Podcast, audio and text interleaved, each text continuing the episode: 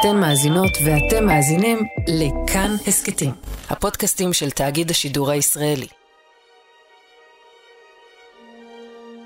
במשך שנים הם פעלו במחתרת במקומות שונים בעולם. השם נלחש מפה לאוזן באימה. כוח וגנר, כוח שכירי החרב הפרטי והאכזרי של נשיא רוסיה פוטין. אלא שהמלחמה באוקראינה העלתה אותם אל מעל לפני השטח. יחידת עילית של לוחמים אכזריים ומיומנים שמשימותיהם מאתגרות במיוחד.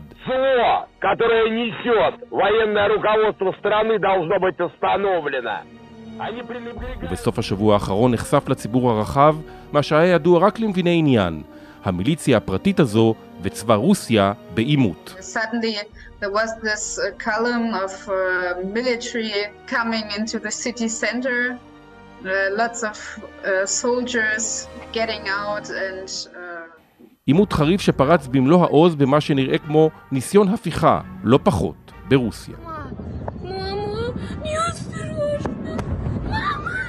סוף השבוע האחרון היה אולי הדרמטי ביותר במהלך כהונתו הארוכה מאוד של ולדימיר פוטין בהנהגת רוסיה. בפעם הראשונה הוא חש שהכיסא רועד, שמעמדו בסכנה, שכוחות צבאיים מתקדמים לעבר בירתו ואין לו מענה של ממש. וזה לא בא מאיום חיצוני על רוסיה, אלא דווקא מאיום פנימי. כוח שהיה נאמן לו באופן אישי, הרים את נס המרד נגדו והתקדם בכוחות גדולים, מה שהביא את פוטין להתקפל ולהיכנע. האם פוטין הגדול נכנע בפני מפקד כוח צבאי שלמעשה קם על יוצרו? כוח וגנר? מה זה אומר על פוטין? על מעמדו? מה זה אומר על המשך המערכה באוקראינה?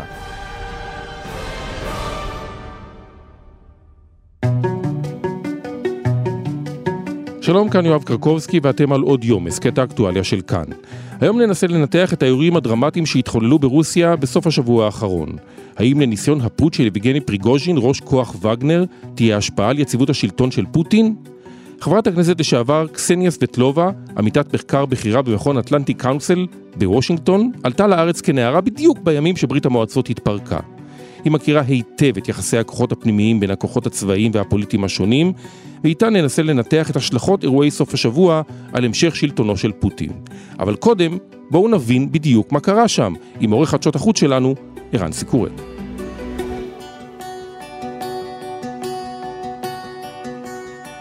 שלום לערן סיקורל. שלום יואב קרקובסקי. מה קרה כאן? אירוע כל כך דרמטי שנמשך פחות מ-24 שעות. כן, אנחנו מדברים על אה, מערכת יחסים סבוכה בין אה, שלושה אנשים שלמעשה אה, התפוצצה בסוף השבוע בין נשיא רוסיה פוטין לשר ההגנה של רוסיה שויגו ומפקד כוח וגנר פריגוז'ין, מי שהיה במשך שנים הצעצוע המועדף של הנשיא פוטין, מיליציה פרטית לכאורה, צבא אלים במיוחד, יחידה שמורכבת מלוחמים מנוסים ואסירים שנלקחו כמעט בכפייה כדי שישמשו בשר תותחים שיכול לבצע משימות שצבא לא יכול לבצע, בעיקר כאלה אה, בלתי חוקיות שכוללות אה, פעילות חשאית באפריקה, בדרום אפריקה, בדרום אמריקה וכמובן באוקראינה. את מה שהצבא הרוסי לא הצליח להשיג, כוח וגנר הצליח, כולל כיבוש העיר בחמות. The Wagner mercenary group claiming full control over the eastern city and President Putin congratulating the troops. But אלא שהצבא הרוסי ומי שעומד בראשו, אה, שר ההגנה שויגו, לא אוהב את הרעיון הזה של אה, צבא פרטי עצמאי שפועל מחוץ למוטת השליטה שלו, אה, והוא עושה ככל יכולתו במשך חודשים כדי לסכל את התפקוד של הכוח המיוחד הזה, מה שכמובן מעורר הצהרות זוהמות מצד מפקד כוח וגנר, פריגוז'ין, שנשמעות כבר כמה חודשים. שייגו! גרסימוב! где боеприпасы? Посмотрите на них, בווגנר אה, בעיקר זועמים על אה, העיכובים בהעברת אה, כספים. והסבב האחרון מתחיל ביום חמישי. פריגוז'ין מאשים את שויגו, שהוא גורר את פוטין למלחמה הזאת. הוא אומר שלפלישה אין שום קשר למה שפוטין מגדיר דנאציפיקציה של אוקראינה. Она была нужна ради одной звезды с дополнительной вышивкой. החלאה הזה שלא החזיק רובה ביד, רצה לקבל את עיטור אה, גיבור רוסיה השני שלו ולהיכנס להיסטוריה שלנו. הוא כמובן, אה, פרגוז'ין מדבר אה, על שויגו. שר ההגנה כמובן זועם, הוא לא שותק, והוא פותח ביום חמישי במתקפת טילים בבסיס של כוח וגנר בדונבאס. פריגוז'ין מודיע על נפגעים רבים במתקפה הזאת, והוא אומר ששויגו רוצה בעצם להשמיד את כוח וגנר, והוא מחריף את האיומים. הקרמלין מצידו מכחיש מעורבות בירי נגד כוח וגנר. פוטין מצהיר שהוא מתכוון לנקוט בכל הצעדים הדרושים כדי לחקור את הסוגיה הזאת. אבל הוא גם הוציא צו מעצר אישי נגד ראש כוח וגנר בגלל האיומים שלו.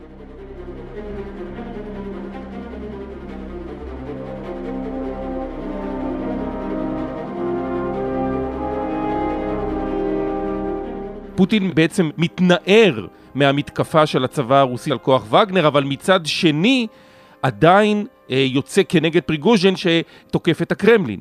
נכון, הוא למעשה מוציא נגדו אה, צו מעצר, אה, פריגוז'ין אה, כמובן כועס מאוד, והוא מחליט אה, שהוא נוקם, הוא משתמש בכוח הצבאי שלו, אה, וכוחות אה, וגנר בפיקודו של אה, פריגוז'ין בעצם מתחילים עם שחר ביום שבת לנוע בחשיכה.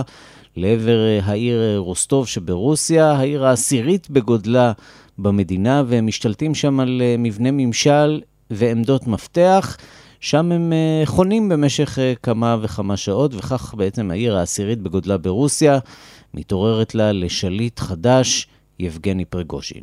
והוא מתקבל שם באופן די מפתיע באהדה של התושבים, הם לא מתנגדים לו. פוחדים? שילוב של פחד אה, עם הערכה לפעילות של פרגוז'ין וכוח אה, וגנר אה, בחזית.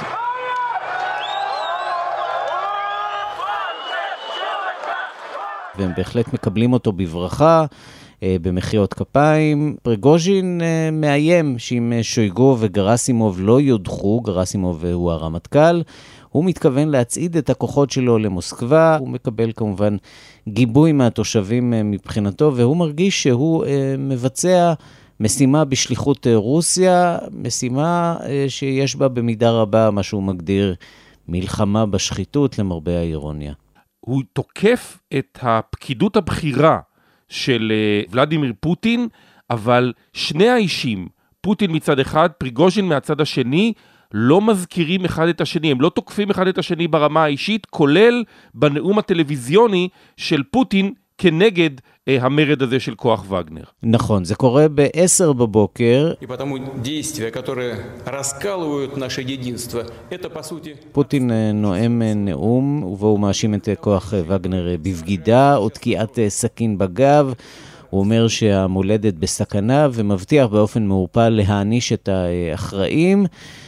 ב-10 וחצי בבוקר, רק חצי שעה אחרי זה מגיעה התגובה, אה, והיא תנועה של חלק מכוחות אה, וגנר על דרך M4, האוטוסטרדה אה, בת 1,100 הקילומטרים למוסקבה. הכוח של פריגוז'ין מתחיל לצעוד, מתחיל לנוע לעבר מוסקבה, ולמעשה לכבוש שטחים בדרך. כשמולו אה, כמעט אין התנגדות של הצבא הרוסי, וזה כמובן מעורר שאלה מה יקרה כשהכוח הזה יגיע בסופו של דבר בשעות הערב למוסקבה. ומשהו קורה בשעות האלה, כנראה איזושהי התערבות שמגיעה דווקא מבן הברית, הוא לא היחיד שיש היום במישור הבינלאומי לוולדימיר פוטין, זה נשיא בלרוס אה, לוקשנקו, ובעצם בשעות האלה מתקיים איזה סוג של משא ומתן כן, במידה רבה משא ומתן אה, עסקי בין כל הצדדים המעורבים, משא ומתן שיש בו אה, אה, דיון נרחב מאוד על אה, כספים שכוח וגנר אה, מעוניין אה, לקבל. Officials in Belarus claim their president, Alexander Lukashenko, had reached a deal with the Wagner boss to halt his troops. ובשעה שמונה בערב, כשכוח החלוץ של וגנר נמצא במרחק של בערך בין שעה לשעתיים נסיעה ממוסקבה, כוחות מקבלים פקודה לחזור. פריגוז'ין אה, מצהיר שהוא לא רוצה לשפוך דם, פוטין אה, אומר שהוא מתכוון לסלוח. וכל זה אחרי ש-13 לוחמים רוסים נפלו שם בדרך. הכוחות של וגנר הצליחו להפיל מטוסים, מסוקים בדרך, עדות באמת לכוח משמעותי מאוד שה... שהארגון הזה צבר לאורך השנים. המתווך בעסקה הוא לא אחר מאשר אלכסנדר לוקשנקו, נשיא בלארוס, שעכשיו מבטיח לארח את פריגוז'ין בתחומי המדינה שלו. מה כולל ההסכם הזה אנחנו לא יודעים.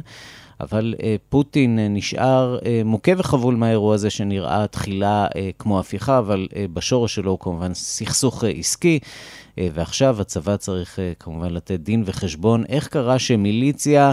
מגיעה ועושה במדינה, שיש לה את אחד הצבאות החזקים ביותר בעולם לכאורה, עושה בו כרצונה ומצליחה להגיע כמעט עד לבירה בתוך שעות אחדות.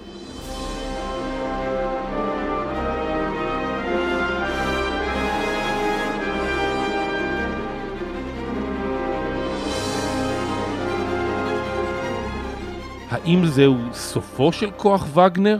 זה במידה רבה סופו של כוח וגנר בתצורה הנוכחית שלו. במסגרת ההסכם קובע אה, הנשיא פוטין שחלק מחיילי כוח וגנר יגויסו אה, לצבא הרוסי, אחרים אה, ימשיכו אולי לפעול בזירות אחרות שכוח וגנר פועל בהן.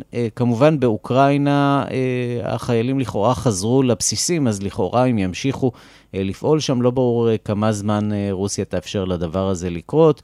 שעון החול כאן במידה רבה מתהפך, בעיקר שעון החול של יבגני פריגוז'ין, שברור עכשיו שהרוסים יחפשו כל הזדמנות לחסל אותו, לסלק אותו מהמפה הפוליטית.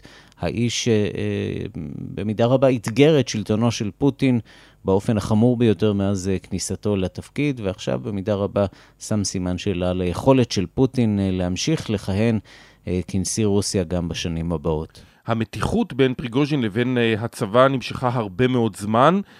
היו לזה סימנים מוקדמים? האם משהו היה לקוי במודיעין של אה, ממשל כל כך אה, ריכוזי כמו של פוטין? האם היה ליקוי מודיעיני שלו? הצבא אה, זיהה את אה, פריגוז'ין ככוח אה, מסוכן, וזאת הסיבה במידה רבה שראינו את המאבק של אה, שר ההגנה שויגו נגד אה, פריגוז'ין. אבל המצב הזה של אה, פיצול, אה, של הפרדה בתוך הכוחות הלוחמים, במידה רבה אה, שירת את הנשיא פוטין, אה, שנהנה אה, לרכוב על הנמר כאן אה, בהקשר הזה. אה, הוא מאוד אהב שיש לו את אה, הכוח הזה אה, לרשותו, כוח שהוא ראה בו כוח של נאמנים. הצבא בהחלט ראה את הסיפור הזה קורה, אבל כנראה שלא ידע להתגונן כהלכה מול האיום הזה ומול העוצמה שכוח וגנר צבר עם הלוחמה שלו באוקראינה, הניסיון שהכוח הזה צבר. צריך לומר, כוח שמורכב מלוחמי עילית מצד אחד ומאסירים מן הצד האחר. אה, שגויסו כמעט אה, בכפייה אה, מבתי הכלא של רוסיה, כוח באמת אגרסיבי מאוד שהצבא הרוסי כנראה לא יודע להתמודד עם השיטות הלא קונבנציונליות שלו, לא שלצבא הרוסי יש שיטות קונבנציונליות בהקשר הזה. המערב עקב במידה מסוימת בדאגה אחרי מה שקורה בדרך למוסקבה. איך אה, האירוע הזה מסתיים מבחינת המצב הבינלאומי של רוסיה, מבחינת מעמדו של ולדימיר פוטין, שגם כך התחיל את האירוע הזה בנחיתות מאוד מאוד גדולה ביחסים הבינלאומיים שלו. כן, ארה"ב אה, למעשה אה, טוענת שהיא זיהתה את ההתרחשויות האלה עוד לפני שהן קרו, כבר לפני כמה וכמה חודשים. היו מודעים לכך שפריגוז'ין מתכנן איזשהו מהלך של פשיטה אה, על רוסיה. מטבע הדברים במערב מודאגים, אה, כיוון שרוסיה היא המעצמה הגרעינית הגדולה בעולם, הכי הרבה טילים אה, גרעיניים בפער מול שאר מדינות העולם, כך שחוסר יציבות שם, המשמעות שלה היא כמובן נשק גרעיני שעלול ליפול לידיים לא מתוכננות, וזה כמובן מדאיג מאוד את המערב. מצד שני, אנחנו רואים... סוג של uh, הנאה uh, בצד uh, של המערב מההתרחשות הזאת, מהקריסה הזאת של רוסיה. בעיקר אוקראינה, שלא יכלה לעצור את החיוכים שלה ביומיים האחרונים, הם סובלים לא מעט גם מהצבא הרוסי וכמובן מכוח וגנר. לראות את פוטין מתפתל, זה כמובן משרת מאוד את נשיא אוקראינה זלנסקי, וכמובן מעיד על החולשה של פוטין בהתמודדות שלו בזירה הבינלאומית. האם הצבא האוקראיני ניסה לתקוף בצורה הרבה יותר משמעותית שטחים נוספים כדי לנסות לכרסם בהישגים הרוסיים במלחמה הזאת ולנצל את נקודת התורפה שבה רוסיה נמצאת ב-24 שעות האלה של המשבר? למעשה אוקראינה נמצאת עכשיו בעיצומה של אה, מתקפת, אה, מה שהיה מתקפת האביב, שהפכה למתקפת אה, הקיץ, ניסיון לכבוש שטחים. בשבועות האחרונים היא מצליחה לשחרר שטחים מעטים, צריך לומר, עשרות, אולי מאות של קילומטרים רבועים שהיא מצליחה לשחרר מרוסיה. ב-24 השעות האלה גם כן שמענו על שחרור של שטח נוסף. לא גדול במיוחד, אבל אה, שטח שהיה בשליטת הרוסים מאז אה, שנת 2014 אה, בחבל דונבאס, כך שהאוקראינים בהחלט מנסים לנצל את המצב, אבל זה כמובן לא כל כך פשוט, זה אתגר צבאי מורכב מאוד. והרוסים, צריך לומר, מקפידים לשמור על מתח לחימה גם כשכוח וגנר יוצא. אה, רק ביממה האחרונה שמענו על אה, הפגזות אה, קשות מאוד בקייב, באזורים אחרים ברחבי אוקראינה. יותר מזה, אנחנו שומעים על פעלתנות יתר במידה רבה של הצבא הרוסי, אפילו הפצצה של הצבא הרוסי בסוריה, עד כדי כך, אחרי חודשים שהצבא הרוסי לא הפציץ בסוריה. עכשיו הוא מסייע להפצצות בבסיסי המורדים, כך שרוסיה, שמודאגת מאוד מהאופן שבו היא נתפסת בעולם, מנסה להקרין כוח אה, באמצעות אה, פעולות אה, תוקפניות בכל החזיתות שבהן היא פעילה. ערן סיקורל, עורך חדשות החוץ שלנו, תודה רבה לך. תודה, יואב.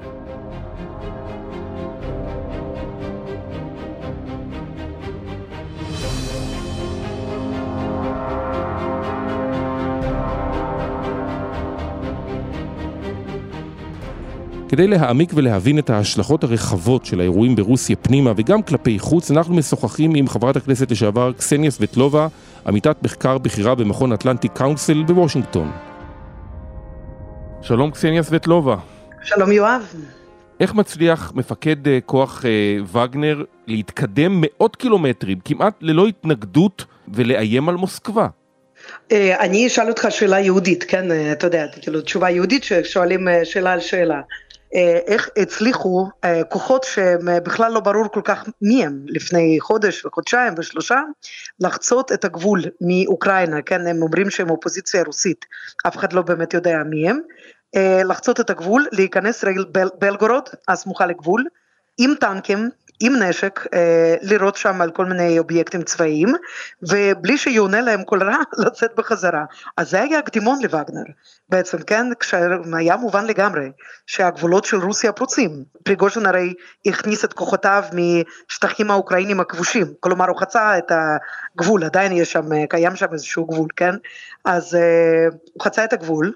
אה, לא פגש בשום התנגדות, כמו שהחבר'ה האלה לא פגשו בשום התנגדות, כי 90% מהצבא מושקעים במלחמה באוקראינה, ומי אפשר לשמור על הבית? זהו, שאין. אז זה, זה אומר גם משהו על כוחו של הצבא הרוסי? יואב, אני חושבת שבכמה 16 כבר חודשים שמתנהלת המלחמה האיומה הזאת, אני חושבת שאנחנו כולנו הבנו דבר או שניים לגבי כוחו של הצבא הרוסי. כי הרי הציפייה, ואתה זוכר, כן, שזו הייתה גם ציפייה של ביידן, שהוציאה לזלנסקי מקלט אה, והציע לו להימלט מקייב כאשר הצבא הרוסי התקדם. וכל המומחים הצבאיים אמרו אין לאוקראינים שום סיכוי. חודש גג אבל אולי אפילו פחות.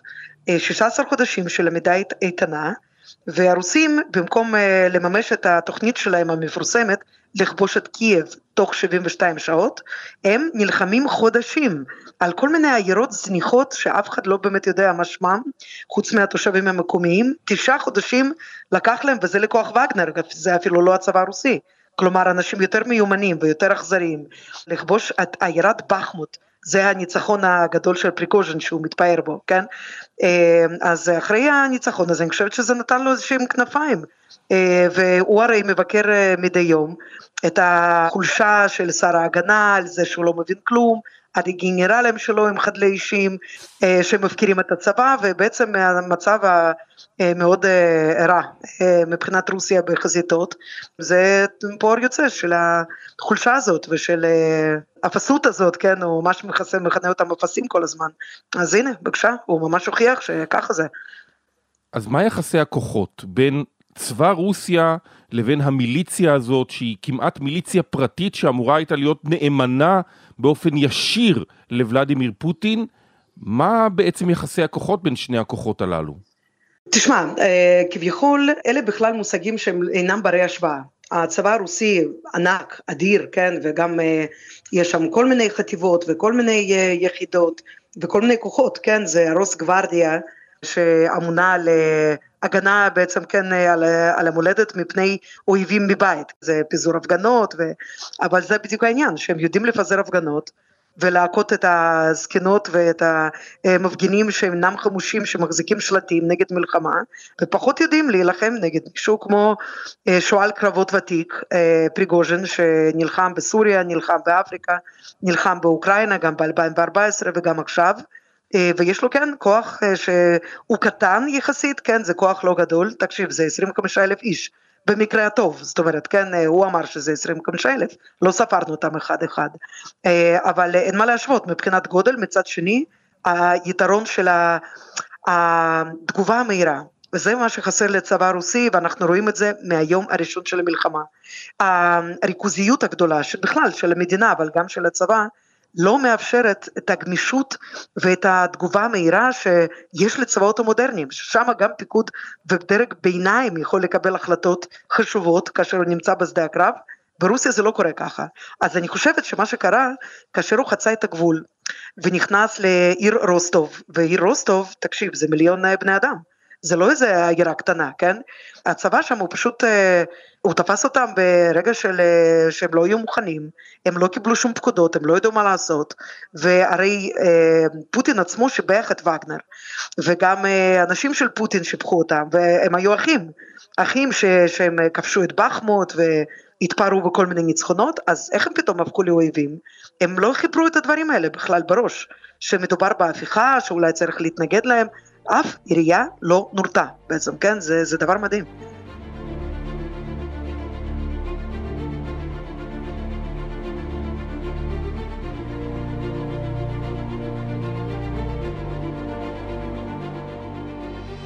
מה האירוע הזה עושה לוולדימיר פוטין, שנראה כמו אה, קצת מנותק מכל העולם המערבי, המנהיג הזה שהולך אה, ראש בקיר עם המלחמה הזאת באוקראינה, וחוטף עכשיו בפעם הראשונה מבית. מצד שני, הוא הצליח להכיל את האירוע הזה בפחות מ-24 שעות.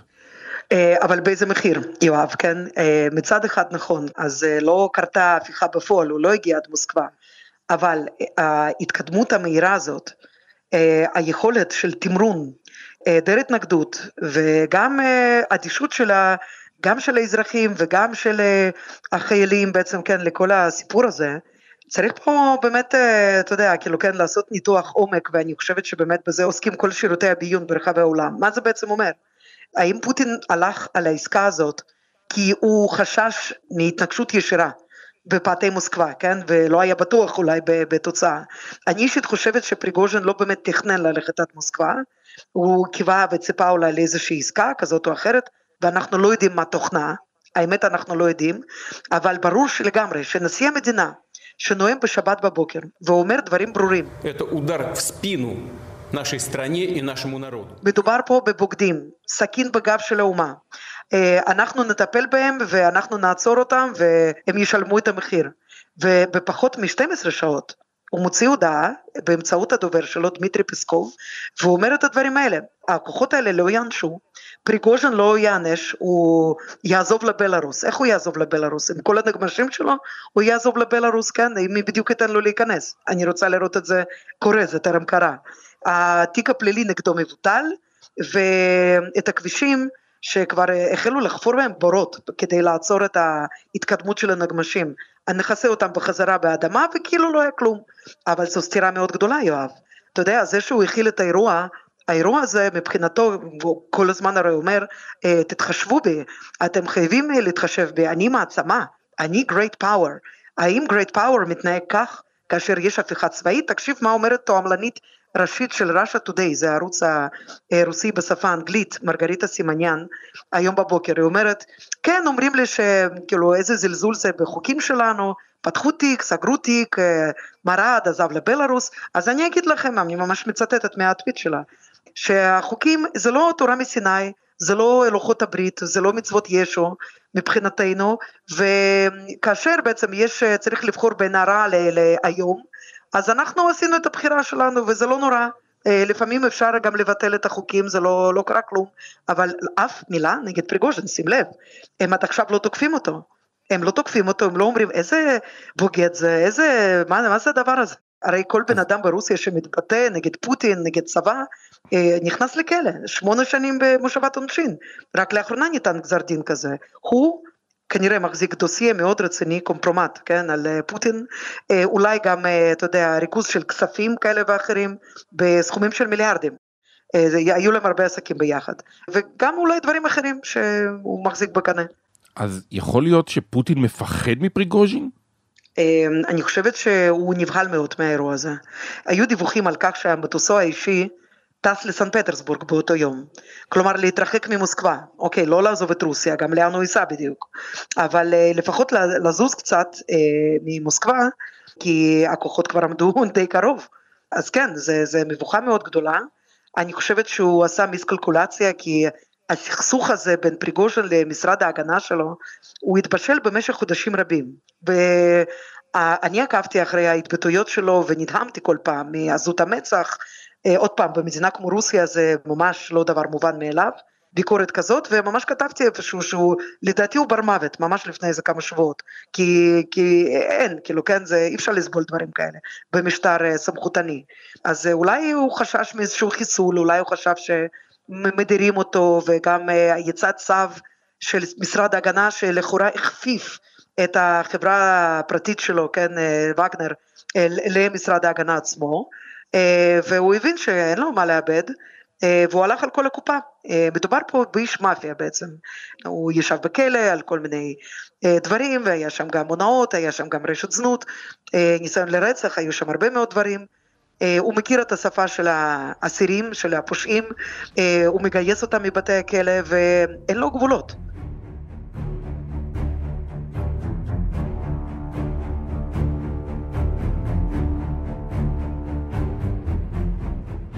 קסניה, בואי נדבר עכשיו על מעמדם של מנהיגי הצבא הרוסי, שר ההגנה שויגו והרמטכ"ל גרסימוב, שפרוגוז'ין דרש את פיטוריהם.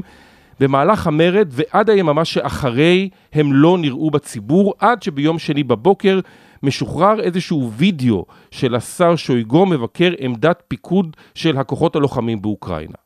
קשה מאוד לאמת את הדברים האלה, עוד לא יודעים איפה זה הוקלט ומתי. רוסיה ידועה היטב במניפולציות שלה, לשחרר כל מיני נאומים מוקלטים שקוראים לזה קונסרבה, כאילו כן, שימורים, משהו שהוכן מראש. אבל כן, אנחנו לא שמענו אותו בקולו מתייחס לאירוע.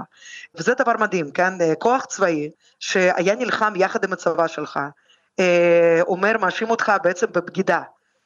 באינטרסים זרים, בחולשה, ועל מנת להדיח אותך מתקדם לעבר מוסקבה, כן, הרי פריגוז'ין מיתג את הצעדה הזאת כצעדת הצדק, צעדת הצדק של מי? צדק של החיילים הרוסים שמתנגדים להנהגה, שזה גנרלים ושר ההגנה, והוא לא אמר מילה אחת וכך גם הרמטכ"ל. כלומר אנחנו יודעים שהם כמובן הם דמויות שתלויות באופן מוחלט בפוטין, אבל עדיין אפילו בשביל המדינה הזאת זה קצת מוגזם, אני לא יודעת אם הם יודעים מה לומר, אנחנו לא יודעים אם שויגו יפוטר, יש הרבה שמועות, זה כרגע עוד לא ברור לגמרי, אבל אפשר רק להגיד, להגיד דבר אחד, המשטר הרוסי במבוכה גדולה מאוד, והמלך הוא עירום, ומי שחשף את המלך זה בעצם הגולם שקם על יוצרו, פריגוז'ין שאם לא פוטין כמובן שלא היה לא מתעשר ולא קם ככה לגדולה ולא מקבל לידיו צבא פרטי. האירוע הזה, איך הוא משליך על המשך המלחמה באוקראינה? אז מי שקיווה שבגלל התוהו ובוהו פנימי רוסיה אולי תיחלש כן עוד יותר בחזיתות באוקראינה זה כן ולא כן כי מצד אחד הם יתמקדו עכשיו בביטחון הפנים שלהם הם יצטרכו לעשות את זה אם הם לא רוצים שוב פעם איזשהו מסע של פריגוז'ין כזה או אחר למוסקבה אבל מצד שני אנחנו רואים הם ממשיכים להפציץ בתי מגורים, הורגים אנשים, מתנגדים למתקפת נגד אוקראינית. מבחינתם זאת המשימה העליונה. ומה הדבר הזה עושה עכשיו למעמדה הבינלאומי של רוסיה, שגם ככה הוא בהידרדרות, מה זה עושה למעמדו של פוטין? המשך של הידרדרות, אנחנו ראינו כיצד הוא בבעלה מתקשר לכל מיני מנהיגים, אה, כמו נשיא קזחסטן למשל, ומקבל ממנו ממש סטירה.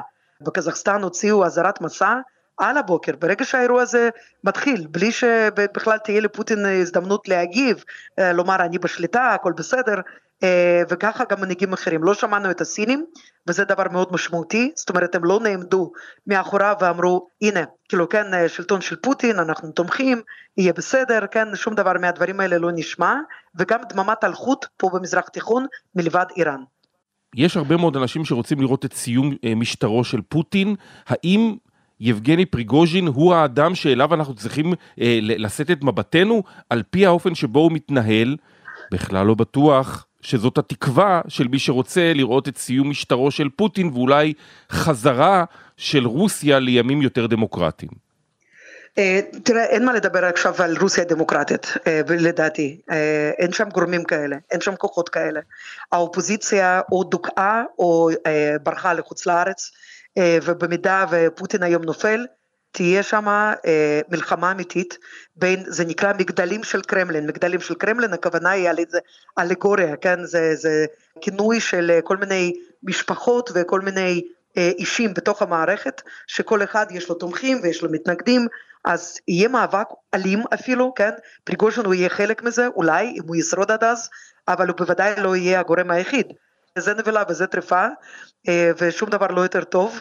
אה, וקשה מאוד לראות בתוך כל הערפל הזה, רוסיה אה, חוזרת למה שהתחיל שם בתקופת פרסטרויקה, שנות התשעים, אנדרי סחרוב, זכויות אדם, כל הדברים האלה שהיה להם אז איזשהו פתחון, וזה עידן שאני זוכרת את זה כי עוד בתור ילדה, כאילו כן, אני גרתי בברית המועצות עד גיל 14, בדיוק כשהמדינה התפרקה, אנחנו בדיוק אז עלינו לישראל.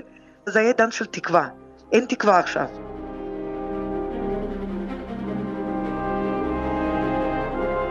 קסניה סבטלובה, תודה רבה לך. תודה רבה יואב. האזנתם לעוד יום. עורך דניאל אופיר, עיצוב קול ומיקס אלעד זוהר, ביצוע טכני, יובל יסוד, ארז שלום ותמיר צוברי. עוד בצוות האורחים יותם רוזנבלד. היה לכם מעניין? אז קדימה, שתפו את הפרק. אם אתם מאזינים לנו בספוטיפיי או באפל פודקאסט, נשמח אם תיתנו לנו דירוג גבוה. הערות על מה שאמרנו, אתם מוזמנים ומוזמנות לכתוב בקבוצת כאן הסכתים בפייסבוק, אפשר גם בחשבון שלי בפייסבוק או בטוויטר שלי. פרקים חדשים של עוד יום עולים בכל יום ראשון, שלישי וחמישי, את כולם וגם הסכתים נוספים מבית כאן תוכלו למצוא בכל מקום שבו אתם מאזינים להסכתים שלכם או באתר כאן, תאגיד השידור הישראלי. כאן יואב קרקובסקי, משתמע.